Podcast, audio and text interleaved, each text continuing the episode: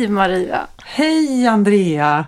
Hur mår vi idag? Jo men det är bra och vi har lite, vi har lite nya rutiner och eh, därför blir det lite flamsigt. Ja, Eh, vi är på Rönneberga konferens, bara Precis. du och jag. Rönneberga konferens på Lidingö. Mm. Vi är inte sponsrade av dem så det är inte därför vi nämner det. Men vi är lite exalterade över att vi inte sitter på ditt kontor egentligen, på Tegnérgatan. Även om vi har det väldigt bra där så känns det här lite nytt och spännande. Och sen är det ju det här med tekniken också. Här sitter vi på vårt hotellrum och tittar ut över vattnet och har det ganska bra. Ja, jättehärligt. Eller hur? Framförallt härligt att få lite kvalitetstid med dig tycker jag. Ja, underbart. Men, Men du, Ja, säg. Jag känner mig helt upprymd fortfarande efter våran gäst förra veckan. Rebecka som var hos oss och pratade om deras sätt att eh, jobba med medarbetare och hur de tar hand om dem. Och, ja, jag, blev, jag blev lycklig i hela kroppen. Tänk att det finns sådana arbetsplatser. Mm.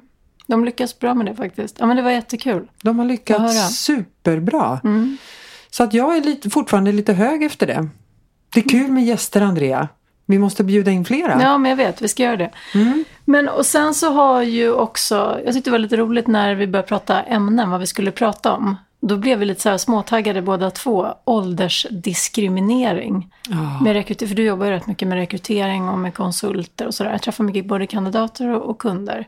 Precis. Eh, och Vi jag kanske- bara förstod så himla, jag förstår så himla väl, för jag, jag går också lite igång på det där faktiskt. Mm. Innan vi gör det så tänker jag bara kort presentation om oss. För det är många som hoppar in i avsnitt och inte vet riktigt vilka vi är. Mm. Vem är du nu igen?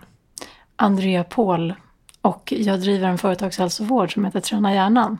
Och eh, ja, fyra barn har jag också. Mm. Jag, eh, Maria Bergholtz, driver ett konsult och rekryteringsföretag inom marknad, media, försäljning och tech. Vi är fem anställda och har ungefär 30 konsulter uthyrda. Och privat har jag fullt upp med tre barn. Mm. Mm, Lite så. lite så. Men åldersdiskriminering. Eh, för det som provocerar är väl just det där att eh, vid en viss ålder så blir det svårare att komma på intervju till exempel. Mm. Eh, och jag kan ju på riktigt tycka att det är väldigt konstigt. Dels så skulle man kunna tänka sig att man själv blir provocerad för att man själv börjar bli gammal. Ja, Typ. vi börjar ju komma upp i den åldern själva. Att, ja. Ja men så skulle det kunna vara. Mm. Men, men sen är det också det där att man ser och känner så mycket extremt kompetenta människor. Eh, som, som ja, men kanske är 45-50 Mm. och är liksom i sina bästa. Eller År, 45, ja. 50, 55, 60. Nej men verkligen. Mm. Eh, som jag tycker liksom sitter med helt rätt erfarenhet och sådär. Eh, och har så stor kapacitet.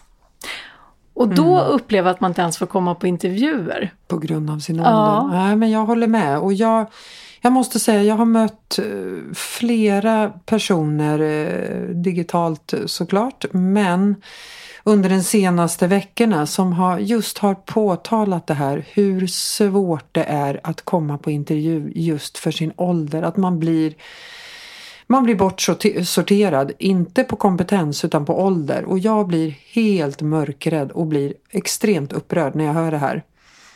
Eh, och jag hade faktiskt ett samtal förra veckan av en kille som berättade att han, eh, han har gedigen erfarenhet. Både jobbat på byråsida, kundsida. Eh, fantastisk, och- fantastisk erfarenhet. Eh, men han upplevde att han kom inte på en intervju. Så att han gjorde om sitt CV. Tog bort alla årtal. Och även liksom årtal eh, när han gick ut gymnasiet och så vidare. och Så vidare. Så att man inte kunde lista ut hur gammal den här personen var. Och vet du vad det skrämmande var? Han fick komma på flera intervjuer. Mm. Så det, det talar sitt tydliga språk. Vi har en åldersdiskriminering i Sverige och det är fruktansvärt kan jag säga. Jag Men- blir upprörd. Ja, och då har jag ju förstått, nu är jag inte på den marknaden själv, men jag har ju förstått att i datingvärlden Mm. då har man mycket att vinna som kvinna på att sänka åldern, vad man söker. Alltså så här, du kanske Ja, man ska- egentligen, ja men tänk dig själv om du var singel nu. Mm, mm. Ja, du skulle ju inte vilja ha en 28-åring, eller skulle du? Nej, Nej. nej, inte Nej. 28. Det känns inte helt, med tanke på att jag har barn som är 20 så känns det, nej, det Ja, känns det är lite inte det bra. också. Men, ja. men, men jag tänker så här, man har ju någon slags lägsta gräns där. Ja. Men, eh, och då, då kanske man är ganska ärlig med det när man går ut och söker. Alltså så här att man Mm. söker inom vilket åldersspann. Men då har jag förstått att som kvinna så ska du liksom sänka det där 5-10 år. För då får du hur mycket svar som helst. För nu är det jättemycket unga killar som vill träffa äldre, Äldre kvinnor. kvinnor. Ja, och lite så tänker jag så här, liksom kontroversiella metoder, det är ju lite vår grej. Mm, Alltså så här, verkligen. man kan ju inte hålla på och hålla sig till någon form av regelbok, det kommer man ju ingenstans det med. kommer man ingenstans Nej. på. Så Vi- jag vi är tänker du kan börja liksom- rekommendera. Vi är inte riktigt paragrafryttare. Nej, Nej, Nej. nej. det är vi inte. när det kommer till um, rätt områden Men, så är men, man men det. Men, ljuga i sitt CV ska man inte göra. Det, det är så. Men, men ja, jag tyckte det var väldigt intressant att han tog bort sina, eh, tog bort åren, årtalen. men ljuga i sitt CV, var går den gränsen? Ljuga, att inte säga... Ja men det är ju att säga att man är 35 fast Ja. man är 45. Men om man tar ljuger man ju. bort Men om man tar bort så ljuger man ju inte. Och alla årtal när man har pluggat Nej, det, och jobbat. nej, det känns man väl helt lagligt tänker jag. Ja. I min värld. Den som är intresserad får ju fråga. Jag har skarvat hela mitt liv och jag har klarat mig. Jag har överlevt. Det måste man väl göra. Men jag tänker så här. Nej men det är ditt tips ändå Ja. till de som söker jobb idag Ja. och är lite äldre och har fantastisk kompetens och Mm. erfarenhet. Att eh, skarva lite. Och skarva lite. Nej men också, jag har flera tips, jag kommer gå in på det. Men jag vill också nämna att jag blev inbjuden till ett kvinnligt nätverk här för några dagar sedan. Vi satt och pratade om just det här temat. Superseniora, duktiga, drivna kvinnor som upplever att de blir eh, bortfiltrerade på grund av sin ålder. Så att det här pratade vi jätte, jättemycket om och de kände liksom att de de ville nog bara få det bekräftat från en rekryterare. Är det verkligen så här som, som det funkar? Och jag står ju inte alls bakom det här men ibland kan ju jag känna igen mig i det här hos en kund som är min uppdragsgivare. Jag älskar ju att sälja in de här kandidaterna som är seniora och har erfarenhet för de är ofta trygga i sig själva, de står med båda fötterna på jorden, de vet vad det innebär att vara konsult, de är eh, det är inga tuppar som behöver hävda, de är ganska trygga i sig själv. Eh, men då säger kunden att ja, jag vet inte riktigt. Det kanske är lättare med någon som är 35 som är lite mer foglig. Ja, det är det. Och, så att jag upplever ibland att kunden, eh, det är kunden som sätter stopp. Men det är ju intressant att man upplever att man kan styra då eller att man har större påverkansgrad då på yngre människor. Och jag skulle ju säga att det, på många sätt inte alls heller stämmer. Nej. Nej, jag håller helt med och sådana här diskussioner har jag med vissa kunder. Nu har inte jag så många som resonerar så här för att vi, vi jobbar inte på det sättet. Om jag skulle få en förfrågan att vi behöver en, en kille som är runt 35-årsåldern, då skulle inte jag ta emot det uppdraget. För jag kan inte rekrytera på det sättet. För det blir ju inte en fördomsfri rekrytering. Då ska jag filtrera på 35-åriga killar. Men så jobbar det- inte jag utan vi Nej. jobbar ju med, med kompetensbaserad rekrytering. Det handlar om kompetens och personlighet. Inte ålder och kön. Det är helt oviktigt. Men jag upplever att chefer, och där, där kan du mera, men jag upplever att chefer blir lite rädda då istället. När de ser det här CVt och jag säljer in den här eh, kandidaten som är senior och har gjort eh, många bitar eh, så upplever jag att kunden kanske blir lite rädd för att den här personen har gjort lite för mycket. Man är själv kanske hotad av sitt eget jobb. Men, eller, ja, ja, men och sen tänker jag att det kan vara lite där den här eh, bilden av att eh, man som chef ska sitta med den största kompetensen inom området och det är ju lite förlegat. Mm. Alltså det är ju inte riktigt så idag. Nej. Alltså ledare kan det ju vara av andra skäl. Mm. Man kan ju vara en väldigt duktig ledare. Och leda väldigt tunga specialister Mm. som är bättre på Som området bättre. än sig Ja, själv. ja. Ehm, så det, är känns ett lite gammalt förlegat. uttryck. Man ska Ja. ju rekrytera de som är bättre än en själv. Ja, Det är superbra tycker jag. Men jag kan också få de, de sägningarna tillbaka att ja, nej, men jag tror inte att den här kandidaten kommer vara nöjd efter ett år. För att det här är lite lägre än vad den hade kanske förväntat sig. men jag tror också att det handlar om lönemässigt. Att man tror att, det, Mm. att mer seniora personer kräver mer lön. Och det stämmer ju inte heller. Nej. Därför att det är ju jättemånga som... Jag träffar ju ganska många människor som vill byta bana. Mm. Till exempel. Alltså, och göra, och, men man vill ju såklart använda det man har gjort. Mm.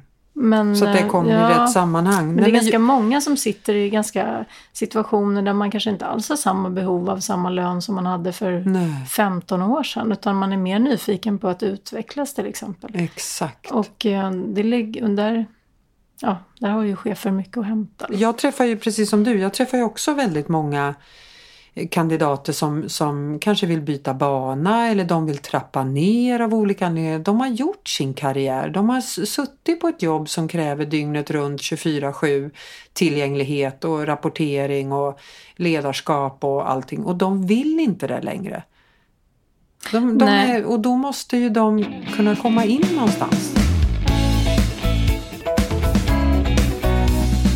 Sen så det som kan ligga, som jag ibland tycker kan jag få bekräftat, som är lite, men jag tror också det kan finnas en rädsla för att vissa äldre människor skulle vara mer förändringsobenägna, eller mindre förändringsbenägna, säger man.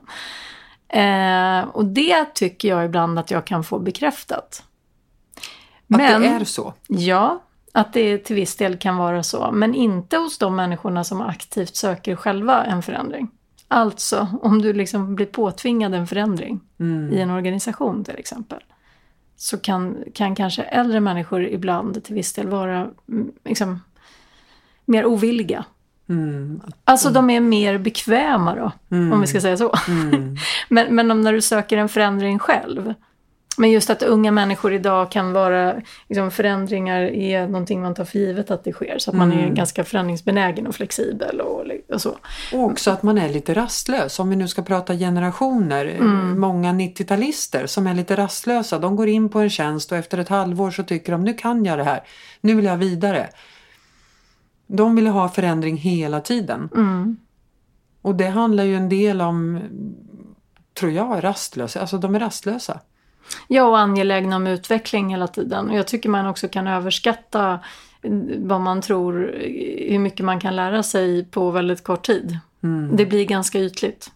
Ofta. Mm. Alltså kunskapen och kompetensen som man, när, man, när man vill vidare för snabbt. För snabbt ja. ja. Så, så blir det ganska ytlig kompetens. Det är ju ett problem idag också. Att eh, om man får generalisera lite så är det ju ganska många yngre som också är väldigt duktiga på att sälja in sig.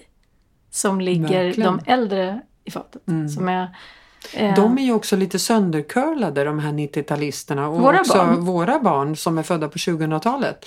Mm. De eh, blir ju också lite söndercurlade för att vi har ju liksom uppfostrat dem och sagt att allt är möjligt. Ni, ni är kapabla till allt. Vill du bli en Zlatan? Det är klart du ska bli en Zlatan. och där, där, där skiljer jag mig lite då som mamma för jag har inte gjort det. Men det har inte du heller Maria. Nej, nej, men jag tänker att många, många 90-talister är, eh, de har väldigt mycket självförtroende. Ja men verkligen. Oftast måste du börja på botten. Mm. Innan du blir hotelldirektör så måste du nog städa rummen. Mm. Sen måste du laga maten och sen måste du ställa dig i receptionen och sen måste du Mm. och så vidare. Du kan inte börja med att bli hotelldirektör. Och där har jag varit lite rolig då, för där kan jag vara ganska... Jag har ju lite problem med det här med att jag har ett ganska stort behov av att vara autentisk hela tiden. Ja, Så jag är lite för transparent. Du är lite för öppen Ja, och ärlig. ja. Mm. så då kan det bli så här att jag säger det till mina barn. Du är inte bra på det här, matte. Nej.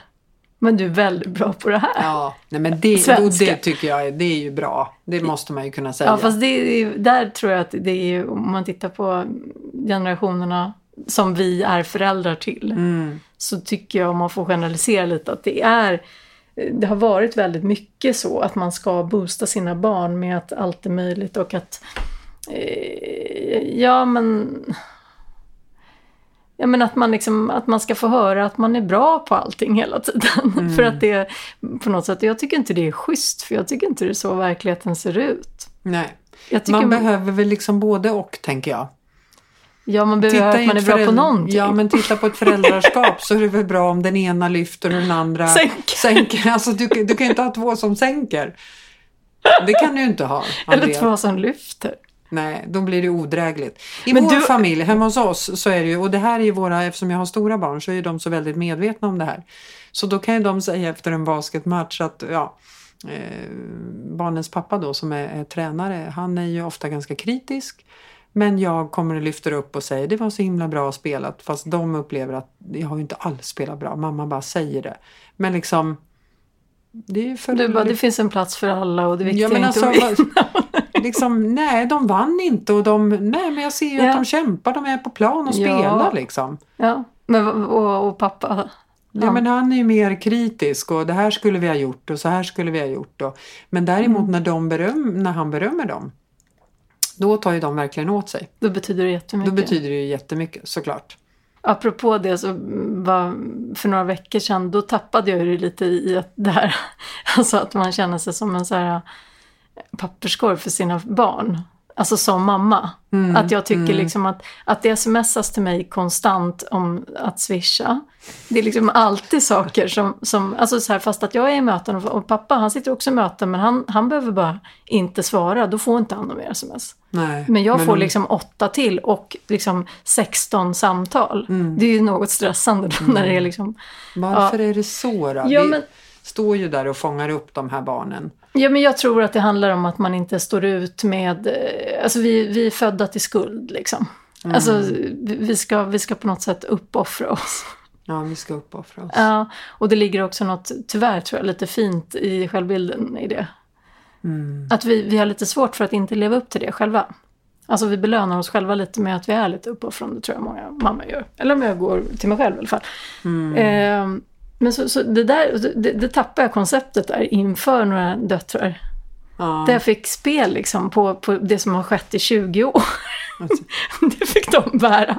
Det fick de bära. Ja, och jag liksom la till också att nu kunde liksom pappa få äta upp lite av det här också. Då tyckte de det blev lite mycket. Mm. Ja, Men men- jag kände liksom att, att det var tvungen att komma ut någonstans. Jag Ja. förstår, det Ja. behövde komma ut. Ja, Ja. Nu kom vi ifrån ämnet här nu, åldersdiskriminering på arbetsmarknaden. Nej, men vad, vad, vad är det vi vill skicka med lyssnarna? Jag vill skicka med eh, att jag tycker att man direkt ska gå på vad du kan bidra med i den här rollen och varför du väljer att söka den här typen av roll fast du kanske har suttit som marknadschef men nu vill du inte vara marknadschef, du har inget behov av det utan nu söker jag mer en administrativ koordinatorroll och bara vara tydlig med varför du gör det valet. För det finns ju en orsak till det. Ja, För men jag, då får du ju inte de här följdfrågorna och oron från chefen att eh, hon är bara ute efter mitt jobb eller hon kan ju inte nöja sig med en koordinator. Hon har ju suttit som marknadschef förut. Vad ska hon göra här? Hon kommer inte stanna. Äh, då tar jag den där 30-åriga koordinatorn som kommer växa in i det här och stanna i tre år. Och Så- som kommer behöva extremt mycket bekräftelse. Ja, precis. Nej, men, eh, vi har ju många konsulter uthyrda via, via eh, mitt bolag Insight Competence. Vi, och vi har många som är över 40. Och jag bara slår ett slag för dem, för de är fantastiska. Just för att det är många som är, och det har, det har ju såklart med senioritet att göra, de är ganska trygga i sig själva. Men det som också är väldigt, för jag, jag träffar ju många också Mm. då som är över 40 och ehm, ja men det kan ju vara stressrelaterat och, och så men att, att man har gått igenom en del också och kanske varit utmattad, varit deprimerad, gått igenom någon skilsmässa eller två, alltså sådär. Det är många som har mycket erfarenhet och Mm. som också kommer företaget i gang, alltså som gynnar för att idag skulle jag säga att jättemycket handlar också om att hantera stress. Mm. Alltså att hantera konstant förändring och, och sådär, det, det är ju egentligen också att hantera stress. Och att liksom ha individer som har lite självinsikt. Mm. Ehm, för det tycker jag är generellt när man träffar, just om vi pratar om de här som är lite mer seniora, så är det ju ganska många som har ganska bra koll på sig själva. Mm. Alltså som kan säga liksom att... att Man är eh, medveten om styrkorna och svagheterna ja, och man är medveten om vad man kan bidra med och vad man Ja, inte kan exakt bidra så. med. Ja. Mm. Och kan vara ganska öppen med det. Så att när man är på en intervju och, och träffar en, en chef som ska rekrytera så kan man så tycker jag att det ska, det ska aldrig straffa sig att man bjuder på sina sårbarheter. Nej, och att man bjuder på att det där kan jag bli bättre på, för det där hamnar jag i ibland. Mm. Det, det är ju på något sätt att eh, skapa trygghet för arbetsgivaren tycker Mm. jag. Och om det är något jag blir provocerad av så är det ju när det, ja, när det då drabbar en. Ja, på När man sätt? igen- Har du något exempel? Ja, men alltså fast det är ju mer så här när man väl kanske har en anställning. Men Mm. att vissa kan vara väldigt öppna med att eh, mm, vad de stressas av eller vad som blir jobbigt eller sådär. Och det, det betyder ju oftast bara det. Att Mm. man är medveten om det. Och att man, men om det då drabbar en i form av att Eh, nej men där har jag några exempel som tycker att man har varit ärlig med chefen och sen så tar man hänsyn till det och tror att den personen är jättelätt stressad. Ja. Alltså i när det kommer till att eh, ta, göra något nytt eller ta på sig mer ansvar och sådär. Där jag menar på att det är ju oftast bara tvärtom. Det där betyder ju att den där individen kommer att säga till. Mm. När den är, för den är prestigelös. Så den personen kommer förmodligen säga till när det blir för mycket. En person som säljer in sig själv som att hantera extremt mycket och inte uttrycker vad den har problem med. Nej. Den kanske inte heller kommer att varna. Nej. Och då sitter du med ett större problem. Och då har du ett större problem. Både kostsamt och eh, energikrävande eh, problem. Mm. Så där tycker jag att man har också mycket att hämta. Mm. Hos, mm. Ja. Och inte skrämmas av, nu kommer vi in på ett annat område, men just det där med att det är faktiskt ganska många som har haft utmattning till exempel. Mm. Inte skrämmas av det. Utan att eh, man kan också se ganska mycket som styrkor också. Mm. Faktiskt. Och, och man kan inte döma folk på... Det, det, jag tycker att vi har ett, och framförallt faktiskt i mitt yrke när man jobbar med rekrytering, att vi...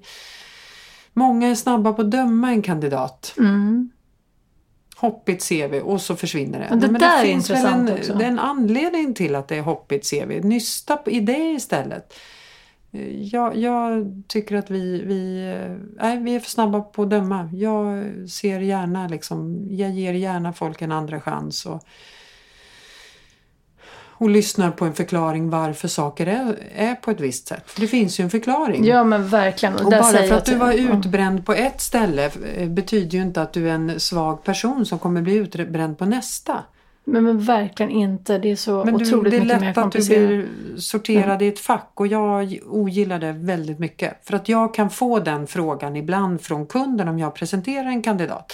Ja, nu har den haft korta anställningar på de här tre senaste. Ja, men det beror på det här och där hade personen en chef och, de och då drar kunden öronen åt sig. Och, hmm, men jaha, alltså, så.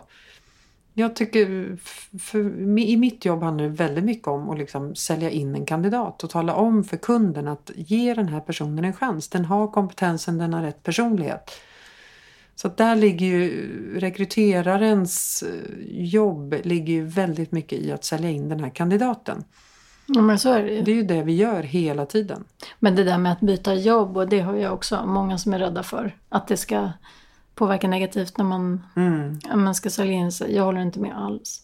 Det, det, mest, det viktigaste är att man har koll på sig själv och vad sina egna incitament har varit och, och varför och vad som är viktigt för en själv. Mm. Eh, Reflekterar man inte över de bitarna då blir det ju svårare att prata om. Och prata om och ja. att få Mm. frågor och Mm. kunna, alltså, men eh, vi har väl alla våra skäl, Mm. tänker jag. Mm. Och vad är rätt och fel? Jag håller verkligen med. Eller hur? Mm. Nej, där måste vi vara... Jag tycker det här avsnittet kan summeras med, eh, utan att sticka ut hakan för mycket, men skärpning chefer. Ja, i att inte Nej, döma. men inte att i att döma. med. Ja. eh, Nej, men det är bra. Du, jag tycker faktiskt det. Jag slår ett slag för alla tappra där ute som söker jobb och försöker slå sig igenom det här eh, bruset. Så Mm. fort du har fyllt 45 så ska du inte komma igenom. Nej, jag gillar inte. Så att jag skickar ut en... eh, Ja, Men gud, och, Ja, nej, skärp er. ja men verkligen. Och jag då som jobbar rätt mycket med hjärnan och vad som händer där uppe Mm. i hjärnan. Jag säger det här också, så här, för du vet ju det där att jag kommer ju förmodligen bli 125. Alltså jag ska ju bli det liksom. Du ska ju bli jättegammal Andrea. Ja, ja, men jag tror ju också att jag kommer att bli det. Ja, Alltså, fantastiskt. Ja. Och, ehm, så med det sagt så menar jag att så här 45, 50, 55, 58, 60 så i arbetsmarknaden, vad är det? Mm, vad är liksom? det? Alltså, det är du vet, dina bästa år. Ja, men alltså, du, Ja. du kan ju vara frisk idag till, Mm. du vet, det kommer vara mikrochip och det kommer vara liksom små robotar som jagar rätt på cancerceller och små mikrochip som, som analyserar hur, hur blodstatus är och som tar reda på eh, exakt hur du ska förebygga de sjukdomar som du ligger i risk för. Vi är där liksom, Mm. om, om bara några år. Så att, alltså det, det jag försöker säga med det är att det är fler än jag som förmodligen kommer bli 125. Alltså det är inte bara jag, nej, du, du bara- kanske också. Du tror att jag kommer bli 125 också? Ja, Ja. det ser jag faktiskt fram emot. Ja.